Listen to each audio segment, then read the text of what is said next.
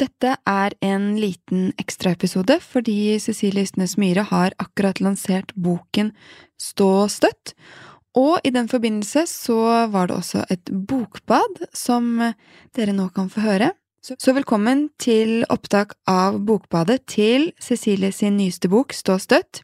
Slik lykkes du med ledelse, ansvar og press på jobben. Samtalen er ledet av Sara Lossius, og med oss i studio har vi også, i tillegg til Cecilie Ysnes Myhre selvfølgelig, Cecilie Mosli. Cecilie, gratulerer med ny bok, Stå støtt! Jeg tror Tusen takk. at den kunne jo ikke kommet på et bedre tidspunkt enn det den har gjort nå. Nei, den, altså jeg hadde jo håpet at den skulle komme ut i fjor, men det at den lot vente på seg litt, eh, det har egentlig på mange måter bare gjort den mer aktuell. For flere, tror jeg. Mm. Det tror jeg òg.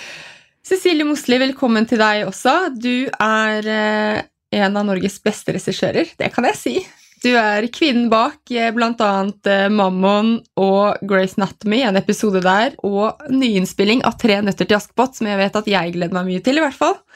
Og du har jobba med Cecilie i mange år, så vi skal høre litt fra deg underveis om hvordan du har jobba. Det som er fint med det, tenker jeg, er at vi får høre en del teori fra deg, Cecilie.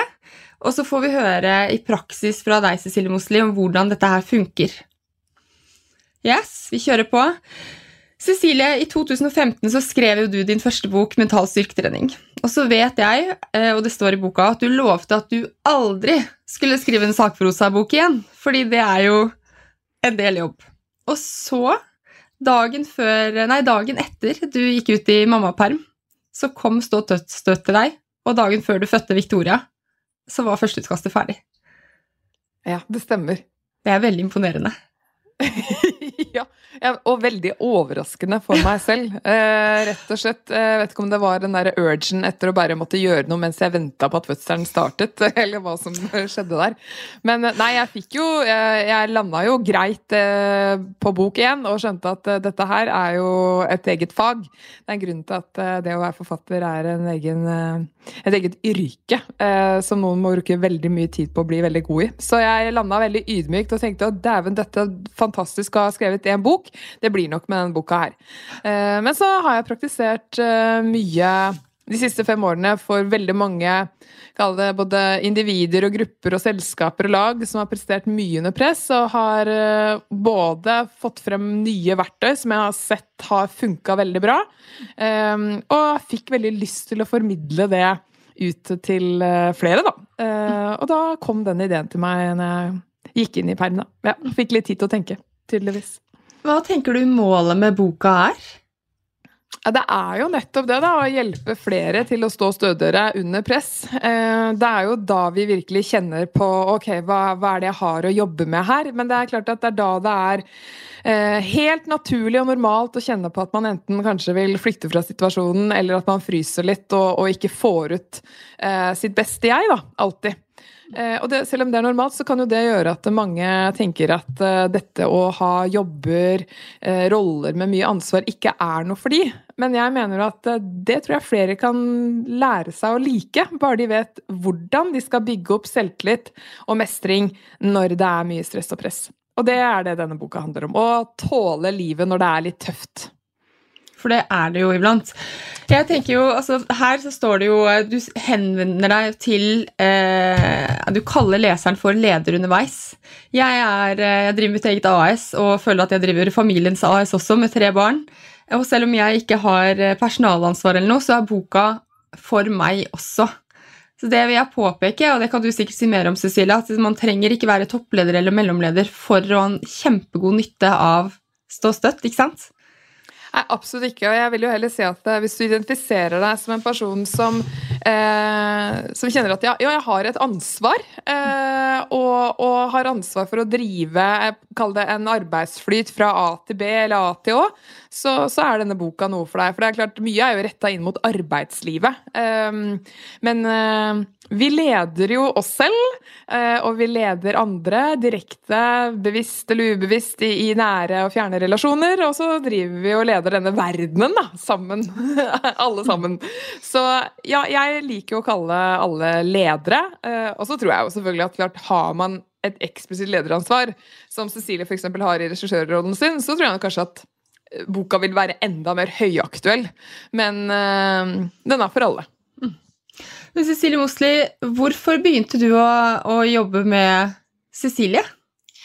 Eh, jeg hadde hatt en veldig sånn rask eh, fremgang og kurve i, eh, i, jobben min. Jeg begynte som skuespiller og så gikk over til å være regissør, og så gikk det veldig fort og fint. Men så plutselig så ble det veldig mye som ble vanskelig. En jobb ble vanskelig, og jeg følte ikke den samme gleden og fryden. Og jeg følte at jeg ofte kom i et litt sånn fastlåst, altså det som man snakker om med å fryse eller eller rømme freeze, fight, flight-modus, at jeg ble usikker på mine kvalifikasjoner og at jeg ikke hadde det så gøy. Og så, så var det mannen min som, mente at jeg, som har eh, erfaring med idrettspsykologer fra ungdommen, som mente at jeg burde finne en mental trener. Men, men alle jeg da fant, som jeg googla meg til, var veldig sånn eh, Gjør dette for å bli best, drit i alle, ha tunnelsyn, og du skal bli best, og alle de tingene. Det var ikke det jeg leita etter. Det var ikke noe konkurranse jeg ville vinne jeg ville finne en måte å, å ha det bra med å jobbe med, med, ganske avanserte ting.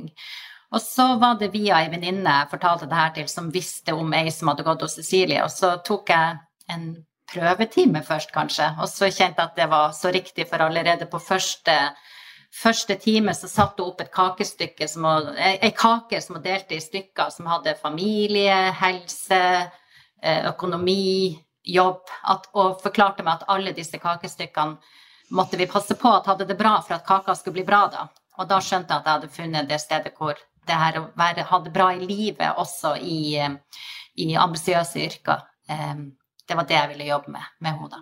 Mm. Vi skal høre litt mer senere òg, men jeg vil bare Cecilie, når jeg tenker på deg, så er det ett ord som dukker opp, og det er potensial. Du digger å gjøre gode folk enda bedre. Ja, du sier potensial. Men det er bra, da, for jeg syns det er positivt. Jeg vil få ut potensial i folk. Det er jo helt nydelig. Men hva er det med det som er så spennende? Oh, ja, Det er et veldig godt uh, spørsmål, men det er, kommer nok fra denne nysgjerrigheten jeg har på folk.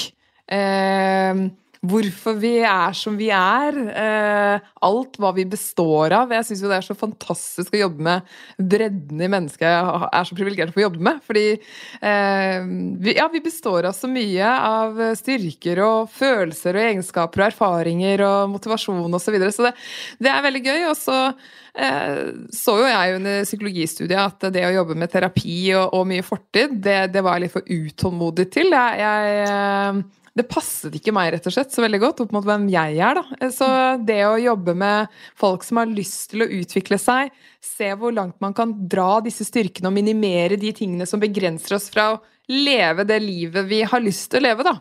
Eh, det syns jeg var, er et spennende prosjekt på mange måter. Ehm, og da syns jeg det er også veldig morsomt å vite at det, det fins veldig mange gode rammeverk, teorier, eh, verktøy og øvelser for hvordan vi kan, faktisk kan mobilisere oss selv da, eh, og få frem mer av styrkene våre oftere. Også i motgang. Så det er det jeg brenner for, og da, da snakker jeg nok mye om potensialet. Men du, Boka er bygget opp eh, etter en modell du kaller de fem s-ene. Kan du dra oss gjennom de, eller? Ja, det kan jeg gjøre. Eh, de fem s-ene danner jo på mange måter bokas ryggrad. Eh, og består av temaer, elementer, som jeg mener gjør at du som menneske blir mer robust og tåler press og motgang bedre. Eh, og det starter med en eh, bevisstgjøring, altså selvbevisst det er den første S-en. Eh, når du vet hvem du er, styrkene og svakhetene dine, så står du i en helt annen posisjon til også å kunne endre atferd. Og det er jo ofte litt det vi ønsker, at jo, jeg er god på XYZ, men skulle gjerne ønsket at jeg kunne bli bedre på noe annet. Og da kreves det selvledelse, som er den andre S-en. Så når du vet hva du skal trene på, så er det noe med å kunne begynne å trene. Og så har jeg lagt opp til to s-er som heter selvomsorg og styrkekilder. Og det er fordi at eh, det er to ting i psykologien som har en veldig stor innvirkning på selvtillit og det å bli bedre på stressmestring. Så derfor så er vi viet to deler til det. Eh, skal vi få ut potensialet vårt over tid og, og klare å prestere på alle disse arenaene, så må vi vite å bygge reserver, og må være greie med oss selv. Så det, det jeg viet mye tid til. Og så er det den siste S-en som heter sterke team. Eh, for vi blir sjelden bedre alene. Det, er, det blir vi i samspill med andre. Og det er klart nå under pandemien også, hvor denne tilhørighetsfølelsen blir trua i ganske stor grad, så er det kjempeviktig å vite hvordan kan vi kommunisere bra, effektivt med andre, hvordan kan vi få en god tilbakemeldingskultur mellom eh, folk på jobben, eh, i vennegjengen, i familien. Ehm, og ikke minst, hvordan kan vi skape tillit eh, når relasjonene blir utfordra. Så det, den siste S-en er ikke der fordi den også er Eh, minst viktig, men fordi det er en veldig viktig påminner før eh, leseren lukker boka. Jeg tenker De fleste av oss nå, de, eh, det er vel 13-14 måneder vi har levd i en pandemi, har kjent på mye større grad av stress og press, sikkert på hjemmebane og på jobb, enn tidligere, enten om man jobber eller er permittert eller hva som helst. Så tenkte jeg, Cecilie Mosli, hvordan, hvordan, har det å jobbe med Cecilie, for du nevnte jo det litt i stad, påvirket hvordan du jobber under stress og press? Ja, det, jeg har fått en haug med, med, øvelser som, eh, og metoder å jobbe med akkurat de tingene. Men, men det, noe av det viktigste har jo vært å vite hva målet mitt er med jobben min. Eh, og derfor finne Det kommer vi sikkert tilbake til, for det snakker jo Cecilie mye om, men vi har jobba med verdiene. Og når du vet verdiene, så, så, bruker jeg det allerede når jeg velger ut et manus, leser et manus. Mm. Stemmer det her med mine verdier? Stemmer eh, selskapet jeg skal jobbe med som frilanser? Stemmer medarbeiderne? Så, men først og fremst verdien i det produktet jeg skal lage, som da er en, en film eller en TV-serie. Og først når, når, det er på plass, og jeg brenner så mye for det jeg skal fortelle, så, så blir det en positiv eh, stressfølelse og ikke en negativ stressfølelse som gjør at jeg tåler mye mer fordi jeg vet og brenner for hva jeg skal fortelle. Så det er kanskje det, den aller viktigste metoden. Men så er det jo flere helt sånn teknisk, at jeg vet at jeg trekker pusten før jeg svarer på det, at jeg lar eh, hjernen få lov til å hvile, eh, komme fram istedenfor bare følelser i veldig stressa situasjoner, at jeg vet hvordan jeg skal forberede ting som jeg vet at jeg kan gjøre dårlig på, så kan jeg legge en plan, ha en strategi for hvordan jeg skal møte mennesker jeg syns er vanskelig å snakke med, eller sånn det er mange forskjellige Det kom, dukker jo opp. Det er jo ikke sånn at jeg har gått hos Cecilie i noen år, og så er jeg ferdig. Det er jo i prosess konstant. Det er jo hele tiden nye ting jeg, jeg, jeg, jeg trenger litt um, veiledning i og, og bli minnet på. Og det er jo også bra med denne boka at når jeg leste boka før dette bokbadet, så ble jeg minnet på en masse metoder som jeg faktisk kan som jeg kanskje hadde glemt da, men som jeg kan se i perspektiv nå. Mm. Jeg tenker at Et av de tingene eh, som jeg vil trekke fram fra boka, det er at jeg har en hang til eh, å bekymre meg litt. Og fra liksom, en lett bekymring så går jeg kjapt i katastrofetanker. Uten at, at, jeg har ikke klassifisert det som det. Så det fine med å lese boka di, Cecilie, var at liksom, å ja, det er katastrofetanker. Det er kanskje å dra den litt vel langt. Så da, da, slapp jeg rett og slett det stressmomentet. Og, eh, og det betyr den Boka di har jo masse øvelser òg, men jeg har ikke gjort de mens jeg har lest den. Men bare det viser at det er en såpass bra bruksbok at man kan ta i bruk verktøyene med en gang. Ja, jeg er veldig glad for at du sier det er jo på mange måter en workbook. Eh, det er over 30 øvelser og veldig mange refleksjonsoppgaver. Og jeg tror det er viktig også å bare forventningsstyre leseren på at det er ikke meningen at svarene på alle disse spørsmålene heller skal komme sånn umiddelbart, men stole litt på prosessen. Eh, la det koke litt i bakhodet. Eh, gå til den delen som er kanskje mest aktuell for deg nå. Noter litt underveis. Ha den med deg i livet, og ha den som en sånn verktøyskrin du tar opp når du, når du vet at rundt neste hjørne så kan det komme noe som kan føles litt heftig, og da er det godt å føle seg forberedt.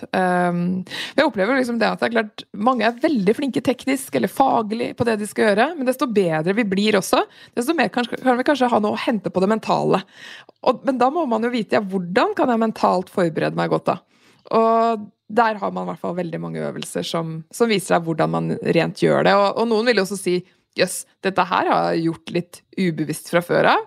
Eh, og så er jo jeg da den som kan pusle til bokhaben. Ja, men du, la oss sette dette i system. La oss eh, trene litt mer i dybden på det og gjøre litt mer kontinuerlig. Så vil du få enda mer resultater av det. Mm. Du, Cecilie Mosli nevnte jo eh, verdier, og i den forrige boka di også, skrev du jo en del om verdier. Og for de som har gått på mentaltrenerkurset ditt, så får man også prenta inn verdien av eh, verdier. Hva er det med verdier som er så essensielt, syns du? Jo, altså dette med å jobbe med verdiene våre, altså hva som er viktig for deg og meg, eh, er jo hentet fra eksistensiell psykologi, og man kan liksom høre det i ordet. Det skal si noe om hvorfor vi mener at vi nesten er til, hva vi finner mening i i hverdagen. Eh, så, så, det er klart at når vi finner litt svar på det, så, så finner vi større retning. Eh, og det er mye enklere for oss å ta valg i tråd med hvem vi er og hva vi står for. Eh, og så blir vi mye tydeligere til omgivelsene også på hvilke verdier som er viktige for oss. Og da får vi sterkere relasjoner og, og tillit. Eh, og det gjør jo at vi også da kan slå ut armene litt mer og være mer oss selv og, og frie og autentiske. Og det er jo også da, liksom, som Cecilie nevnte så bra i sted, det er da det er da du liksom finner de gode samarbeidene, og du finner gleden i arbeidet, selv om det kan være heftig og krevende. da. Eh, det er når du liksom står støtt i verdiene dine. Så det er en veldig stor del av det å være robust, mener jeg, og, og jobbe med verdier. Men du må vite litt hvordan du jobber med verdier også, ellers så blir det jo bare fancy ord på et ark som, som ikke har noe mening. Mm. Men Cecilie Mosli, du bruker jo verdier. Jeg vet Når du f.eks. nå Tre nøtter til Askepott, så skal man jo lage på ganske kort tid en gjeng av alle sammen. Jeg vet at Du bruker da verdiene aktivt i kommunikasjonen for å bygge tillit og for å bygge en gjeng, gjør du ikke det? Jo, eh, verdiene er jo først, som jeg sa, når jeg velger hva jeg skal lage. Og de verdiene prøver jeg å formidle og forklare til det crewet som jeg jobber sammen med. Fordi en, en, et filmsett er jo som en helt, helt, liten landsby, en liten bedrift som settes opp fra null komma niks, og det er masse mennesker som kanskje aldri Noen har jobba sammen før, og noen ikke. Sånn at du skal skape trygghet og relasjoner ekstremt fort. Så da er det viktig for meg både å formidle de kunstneriske verdiene jeg har, og så selvfølgelig de, de, verdiene jeg har i forhold til hvordan vi skal jobbe sammen og oppføre oss sammen. Og prøve å sette en standard for hvordan samarbeid skal være, og at f.eks. at vi skal ha ei åpen dør på å si fra hvis noe er galt, men at vi ikke får lov å hviske i krokene, for da kan ikke jeg gjøre noe med det. At vi med en gang åpner opp for sånne samtaler i forhold til hvilke verdier jeg vil ha i et arbeidsforhold. da. Så det er sånne ting som er, er ganske enkelt og greit å formidle. Og så føler alle når du har eh, eh, verbalisert det, eh, at det er noe vi er sammen om, så, så, går det ganske fort å sette opp en sånn bedrift på kort tid. Det er gøy å høre hvordan det, eh, hvordan det, er i praksis. Altså for man kan jo ha Jeg har jo mine sett med verdier, men jeg er jo ansatt i eget AS, og da jobber jeg med verdier på en helt annen måte, men det er jo et, en rettesnor, føler jeg. Og det er også, som du sier, med stress, som du sa i stad, Cecilie Mosli. Jeg sjekket med verdiene mine i stad, bare Men jeg er jo egentlig ikke stressa, for jeg har jo valgt dette selv, f.eks. Sånn at det, man får lettere dette fugleperspektivet på at ja, men det er jo noe jeg vil for noe større. Og da tror jeg, som du sa, Cecilie, at det gjør en mer robust, da. Ja, det gjør det. Og så må jeg si at Cecilie er utrolig god eh, på å, å, praktisere det og gjøre noe med det, og det er jo veldig viktig, da. Det er klart at dette kunne være fancy ord på, på en papir som hun hadde gjort i en session med meg, men den, den virkelige jobben starter jo når hun går ut av den døra og begynner å praktisere det, og prøver og feiler og lærer og justerer og eh, prøver på nytt og, og ja. Så, så, hun er på mange måter et veldig godt eksempel på også på hvor godt det kan føre når man gjør jobben, når man repeterer og trener på det, da. Det, de refleksjonene hun har nå, kommer jo ikke bare bare Det kommer, de kommer ikke med en gang. Det er noe du virkelig må trene på, da. Uh, ja. Har jo holdt på i mange år med det, så burde jeg jo begynne å gå inn. Ja, men det er veldig gøy å høre, da. Ja. Mm. Jeg tenkte vi kunne snakke litt om eh, motivasjon. For når jeg snakker med andre folk om dagen, så er det mange som opplever at nå etter 13-14 måneder i, eh, i, den verden vi nå lever i, så er motivasjonen dalende. Og så tenker jeg at uh, det å uh, holde på motivasjon er ikke bare en sjefsjobb, det er også de som er ansatt. Altså det er personlig å holde seg motivert. Hva tenker du om det, Cecilie? Jo, da tar du jo veldig godt ansvar for eget eh, veldig, veldig vær og hverdag, hvis man tenker det. Så er det jo alltid et samspill på det, selvfølgelig, for å også oppfordre alle ledere der ute. Men det er klart at det der å ta en sjekk av med seg selv innimellom på hvordan, hvordan er kvaliteten på motivasjonen min om dagen, det, det er viktig. Og så tror jeg ikke vi skal ha en forventning om at den er på topp hver dag. Det er helt normalt at det svinger, men dersom motivasjonen blir veldig lav over tid, så er det klart at det vil påvirke både helse og, og også prestasjonene dine. Så det å vite da liksom hvordan kan jeg mobilisere den, styrke den, eh, når vi nå er Hva si vi har jo tatt vekk fra oss veldig mye denne tilhørighetsfølelsen, som er en av de største motivasjonsdriverne til oss mennesker. Det tror jeg er veldig viktig å huske på. Så vi har en helt annen motivasjonsjobb framfor oss nå enn vi noensinne har hatt. Og det syns jeg skal styre forventningene våre litt opp mot hva som er mulig. Men eh, da er det jo klart at det er viktig å spørre seg selv hva er det du finner glede i. Eh, er det noen mål over tid eh, du kan sikte deg inn på, eller ønsker, intensjoner eller fokus over tid som du har lyst til å sikte deg inn på? For det vet vi gjennom forskning kan dirigere et fokus og oppmerksomhet ganske skarpt her og nå, hvis det er noe langt der fremme. Så er det mange som tenker ja, men det vet vi jo ikke om vi får til. men ja, det er ikke sikkert at det skjer i 2020 eller 2021, men Spørsmålet er bare om når, kanskje. Det, så det, er én måte å bruke mål på for å virkelig mobilisere motivasjon. Eh, en annen ting er jo å finne mestring. Eh, men da må du vite eh, hva du skal se etter. For vi, ja, vi blir litt det vi ser etter i hverdagen. Og hvis du kun ser etter feil du gjør, eller hva som ikke fungerer osv., så, videre, så er det klart at mestringsfølelsen blir så som så. Da er det jo heller ikke veldig særlig motiverende. Så, um, så det å jobbe med kortsiktige målsettinger, prosesser, eh, hele tiden spotte fremgang, feire små seire Aldri undervurdere det opp mot å finne motivasjon. og da har man to valg, men så kan man jo prøve den øvelsen, se litt hvordan føles det, blir det litt bedre, eller man kan typ resignere litt nå, da. Og jeg tenker det er lov å ha de dagene hvor man kjenner på håpløshet og resignasjon. Og så er det på et tidspunkt også viktig å ta seg, til, sjøl litt i det, og, um, og prøve, å, prøve, å, gjøre dette her, da. Mm. Mm. Cecilie Mosli, jeg husker at du, man, når man tenker mål, så tenker man ofte sånn Jeg skal tjene så og så mye, eller ta fem pushups eh, innen den og den tiden. Men du satte et helt annet mål når du jobbet med Cecilie? Eh, ja, fordi jeg har jo alltid vært et ganske målløst menneske. Altså, jeg har ikke sånn mål om at jeg skal vinne Oscar eller vinne det, eller jeg har ikke hatt den, den driven i meg i det hele tatt. Jeg drømte aldri om å dra til Hollywood, jeg hadde ikke sånne mål. Så det, målet mitt kom jo fram med å jobbe med verdiene med Cecilie. Eh, så det var jo sånn fordi at hun fikk meg til å finne ut hva verdiene var, og det var jo veldig tilfeldig, egentlig. Eller ikke tilfeldig. Cecilie ba meg med å jobbe med verdier, og jeg skjønte ikke helt hva hun mente. Betyr det at jeg vil være med familien min, at jeg vil ha en rettferdig verden? Jeg klarte ikke helt å skjønne, og så pusha hun det ikke. Hun bare lot det gå i en prosess. og så var det en dag jeg fortalte om hvorfor jeg elska eh, Shondaland, som er Shonda Rhimes sitt selskap i USA, som bl.a. har da Grace Anatomy. Eh, og så forklarte jeg hvorfor eh, de verdiene hun hadde i forhold til diversity Jeg brukte nok ikke ordet verdier heller, så sa Silje der har du verdiene dine. Det her kommer du tilbake neste time og holder et foredrag om. Og jeg bare Jøss. Yes, å ja, der er det. Og så gjorde jeg det, og det foredraget var jo dritlett å holde, for det, det syns jeg var helt fantastisk å fortelle om. Så sa Cecilie ja, men da syns jeg du skal prøve å få Shonda Rhimes som mentor jeg bare Slutt å tulle. Hun er en av de største serieskaperne i USA. Sånt skjer ikke. Hun har ikke tid til Jeg, si at jeg visste ikke hvem dette var. Nei, nei. ikke heller. Jeg har jo skjønt det litt mer i ettertid, men jeg er glad vi satte stjerna på veggen. Ja. men for meg var det litt sånn Jeg, jeg er fra et bortglemt sted i Nord-Norge, og at ei jente som jeg skulle få tak i, Shonda Rhimes, som var mitt idol, og som jeg visste hvem var, og som alle bør lese når man har en dårlig dag, fordi man har, får litt oppmuntring av å lese. Hun har skrevet også flere bøker. da. Men i hvert fall så eh, av dette her, så når jeg da endte opp på møter i USA med forskjellige produsenter, så, så visste jo jeg verdiene Hvorfor jeg brant så mye for denne verden, da. Så det endte jo med at jeg fikk jobb på Grace Anatomy. Eh, to år etterpå, kanskje. Eh, det var noe sånt. Så, så, det viser hvordan for meg er målet å fortelle historier som jeg brenner for, og som kan gjøre noe forskjell i menneskers liv, samtidig som det kan underholde. Og da er det ikke et mål om at jeg skal være på en palle, men at jeg skal fortelle historier som forandrer liv.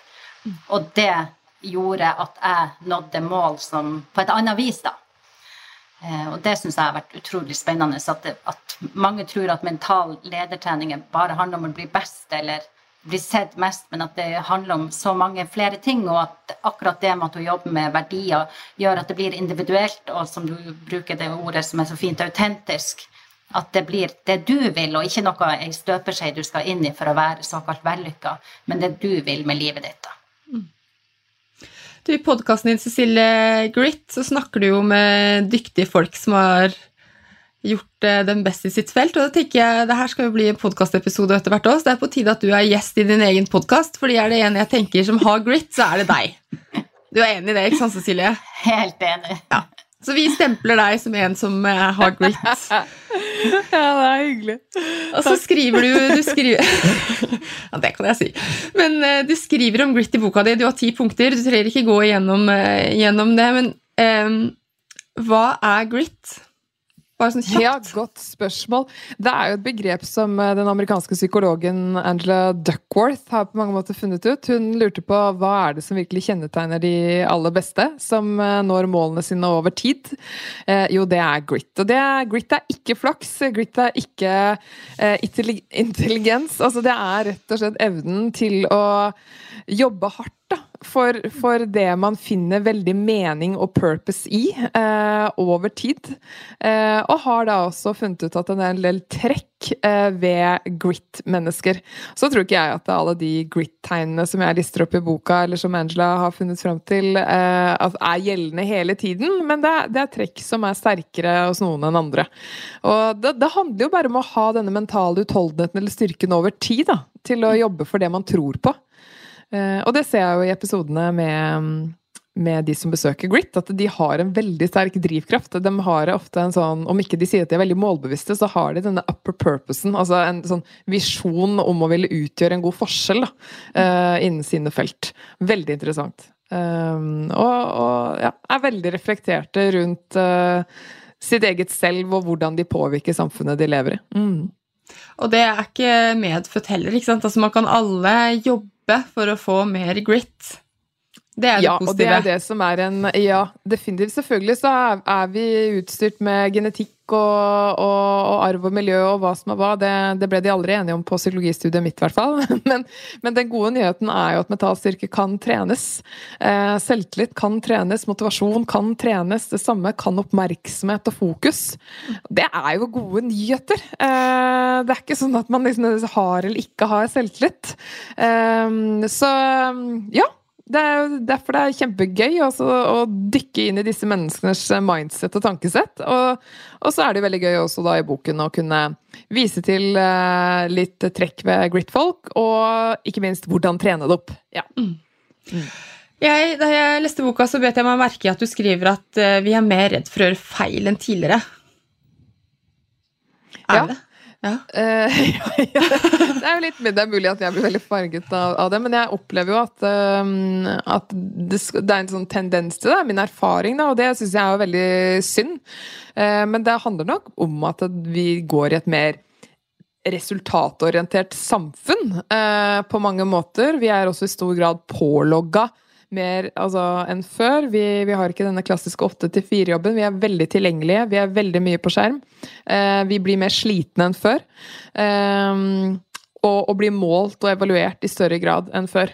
Eh, så, så, da kan det tvinge seg fram tanker som er litt sånn Ok, nå er jeg redd for å gjøre feil. Og det, det er veldig synd, for det kan jo binde oss veldig. Eh, så, så, dette med at feiling er læring, trykker jeg mye på i boka. Eh, men også hvordan man kan tilrettelegge for gode forberedelser, sånn at man i stedet gjør gode feil fremfor dårlige feil. Da. Mm. Mm. Hva er forskjellen på gode og dårlige feil, da? Ja, det det er et godt spørsmål. Eh, min mening er jo at de gode feilene gjør du når du er godt forberedt, når du er fokusert, du er påskrudd. Da har du gjort ditt beste.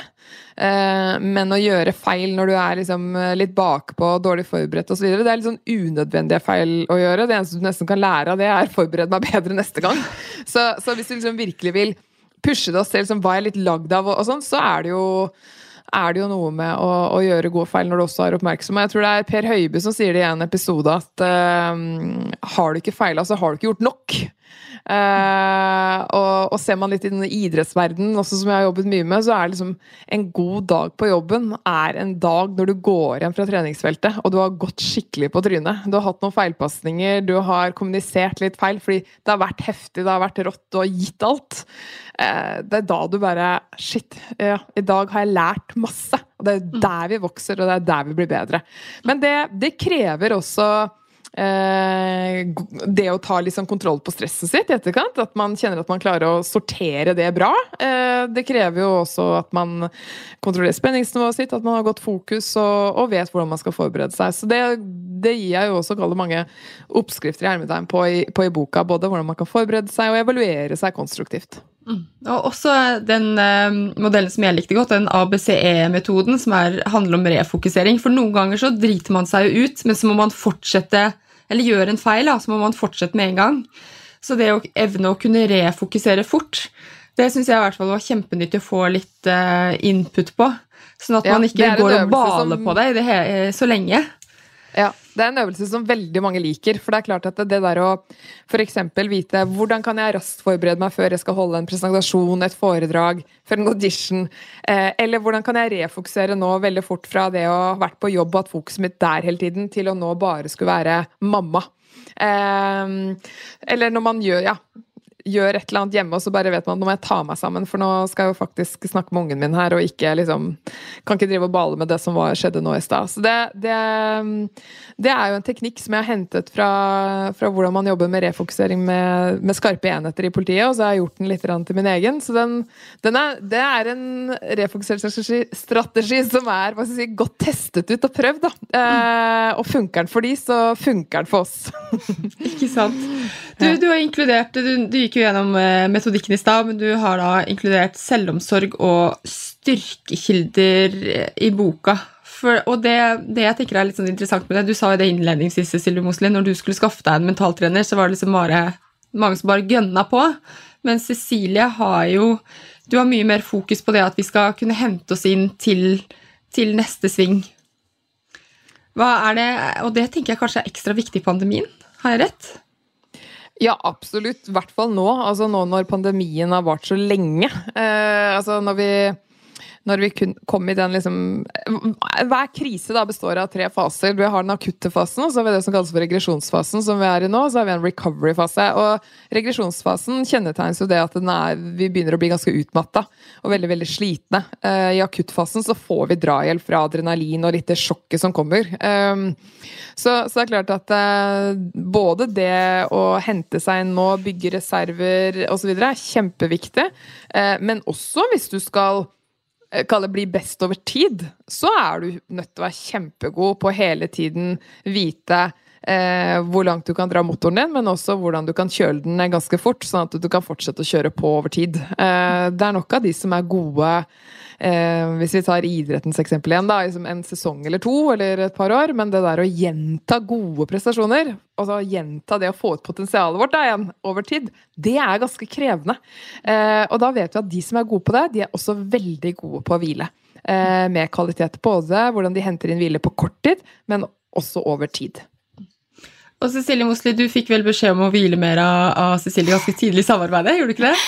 Jo, det var også på den berømte første timen hvor hun sa at hvis ikke jeg gikk hjem og gjorde yoga hver dag eller meditasjon, så var det ikke noe vits at jeg kom tilbake til henne. så, og så husker jeg kom tilbake neste time og så sa jeg, men hvis jeg hadde gjort litt det den ene dagen, den andre, så var det vel ikke så farlig. Jo, det er farlig. så, så, det har jo gitt meg ordentlig gode vaner i forhold til at nå gjør jeg faktisk yoga hver eneste dag. Og det er ikke noe sånn prestasjonsyoga. Det er mild og kort yoga, men det hjelper meg med fokus og tøying og, og min egen tid. Og så syns jeg også det var så fint det som Cecilie maner meg til, at at jeg måtte hvile mer, men jeg har aldri vært noe glad i sånn ligge på sofaen-hvile. Jeg følte at det var ikke har gitt meg så mye energi, men, men Cecilie forklarte da at å hvile er å gjøre noe annet som du har det fint med. Og det har vært spesielt viktig når jeg har hatt små barn og en aktiv jobb, at jeg gleder meg veldig mye til jobben og barna, men jeg har ikke visst, hvis jeg fikk en time fri, hva jeg gleder meg til ellers. Hva er det jeg har lyst til, og som gir meg fryd? Så um, det fikk jeg jo forske i, og det forsker jeg fortsatt i. Det er enda sånn at jeg ikke helt vet, fordi at jeg elsker jobben og familien min så høyt, at jeg nesten ikke vet hvem Når bare jeg skal gjøre hva jeg, hva jeg liker aller best å gjøre. Men jeg har ikke kjøpt meg hest, sånn som Cecilie gjorde, men jeg har kjøpt meg kajakk. ja. Men den hesten din, Cecilie, er jo eksempel på at du gjør noe annet som igjen har hatt eh, gode konsekvenser for jobben din. Ja, absolutt. Uh, og jeg var nødt å få et fokusskifte. Dette var jo nå før jeg fikk Victoria, da. Så nå, nå, nå syns jeg jo hun også er et sånn godt fokusskifte, hvor jeg ikke kun er uh, gründer og forfatter og foredragsholder osv. Så, videre. så Så Men uh, jeg har jo vokst opp med hest og elsker å være i stallen, hvor man bare får denne nærværet med dyr. Så når jeg kjente at jeg begynte å pike litt vel mange arbeidstimer og fant det litt utfordrende å slappe av, så kjøpte jeg meg en hest.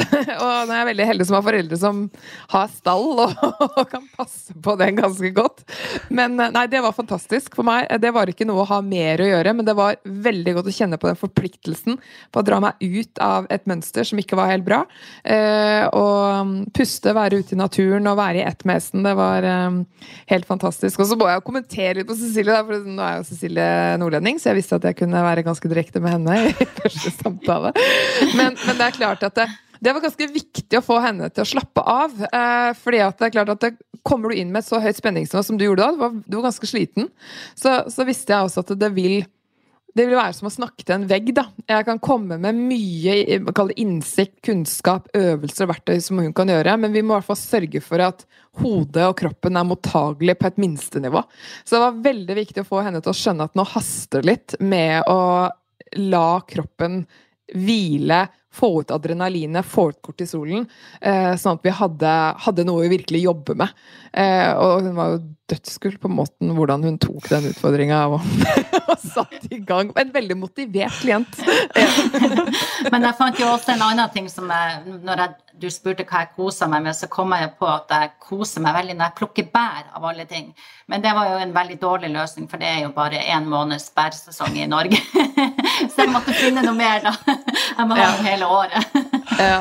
Og jeg er på ingen måte sånn yogaperson, men, men jeg har veldig tro på det å skifte fokus. Bare være eh, her og nå framfor å tenke på fortid eller fremtid, som veldig mange gjør, og veldig mange flinke, reflekterte mennesker gjør. og Det er jo fantastisk. Der finner vi jo masse gode løsninger. Vi løser masse problemer. Men det er veldig slitsomt for huet også. Så vi trenger å bare være, enten det er å se på en serie som Cecilie har eh, vært med på lagd, eller, eller hva det er. Det er ikke å sløse tid eller være lat. Det er veldig lurt å gjøre. ja.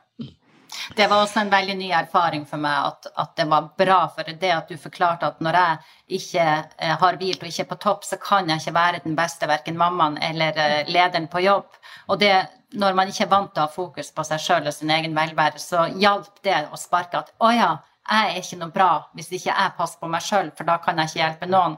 Det ble på en måte det sparket som gjorde at jeg lærte litt mer sjølomsorg. Og man ser jo hvordan det har gått. Ja, det er helt enig, Sara. Helt ja, enig. Du, vi nærmer oss uh, uh, slutten, men uh, er det noe i coachingen eller i boka til Cecilie, Cecilie Mosli som, som, du vil trekke fram som ekstra verdifullt? Som kanskje er ekstra verdifullt nå om dagen? Eller generelt? Ja, Det går jo i faser, og man trenger jo forskjellige ting fra den boka etter hvilken situasjon man er eller hvor lenge man har jobba. Men akkurat nå når jeg leste manuset til denne boka før, før i dag, så så traff det meg så voldsomt det kapitlet som handler om å ta ansvar for seg sjøl, at du sjøl har ansvar i ditt eget liv. Og det høres kanskje strengt ut at, som om du kan løse alt sjøl, for det er jo ikke alt. Man er jo, man jo fanga av en rekke omstendigheter, og vi kan ikke bare fikse pandemien fordi vi vil. Men, men det at Cecilie skriver at vi er ansvarlig for hvordan vi, vi tar vare på oss sjøl i det. Det gir en stor frihet. Det er en lang liste over ting som du er ansvarlig for. Da. Men for meg skapte det en sånn ny frihet i at ja, men jeg trenger ikke å stå i det som ikke passer meg. Jeg, jeg, jeg kan sjøl fikse. Jeg trenger ikke å sitte her og, og sture over pandemien. Jeg kan gå ut og trekke inn frisk luft i stedet. Det, det med å ansvarliggjøre oss sjøl for vår egen lykke, og ikke bare tro på noe skjebne, det tror jeg bare er så utrolig viktig. Og også for unge mennesker i dag som får et sånt bilde av SoMe, at noen blir bare plukka opp og tilfeldigvis blir et eller annet. Så er det, det handler om at du må gå ut og ansvarliggjøre deg sjøl og din egen lykke. Og det, det, ble jeg skikkelig rørt av, og jeg har tatt eh, bilde av det og har det på mobilen og sitter og leser litt på det jevnt og trutt nå. Så det traff meg på denne fasen i livet. Jeg skriver under på den. For Cecilie, du, jeg vil jo si at boka di er, eh, den er skrevet i kjærlighet, men også et uh, klapp uh, bak på stussen.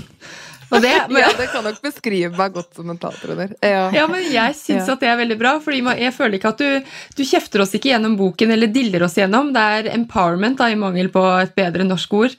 Og det fikk meg til å føle meg mer eh, motivert og ansvarlig selv på en positiv måte.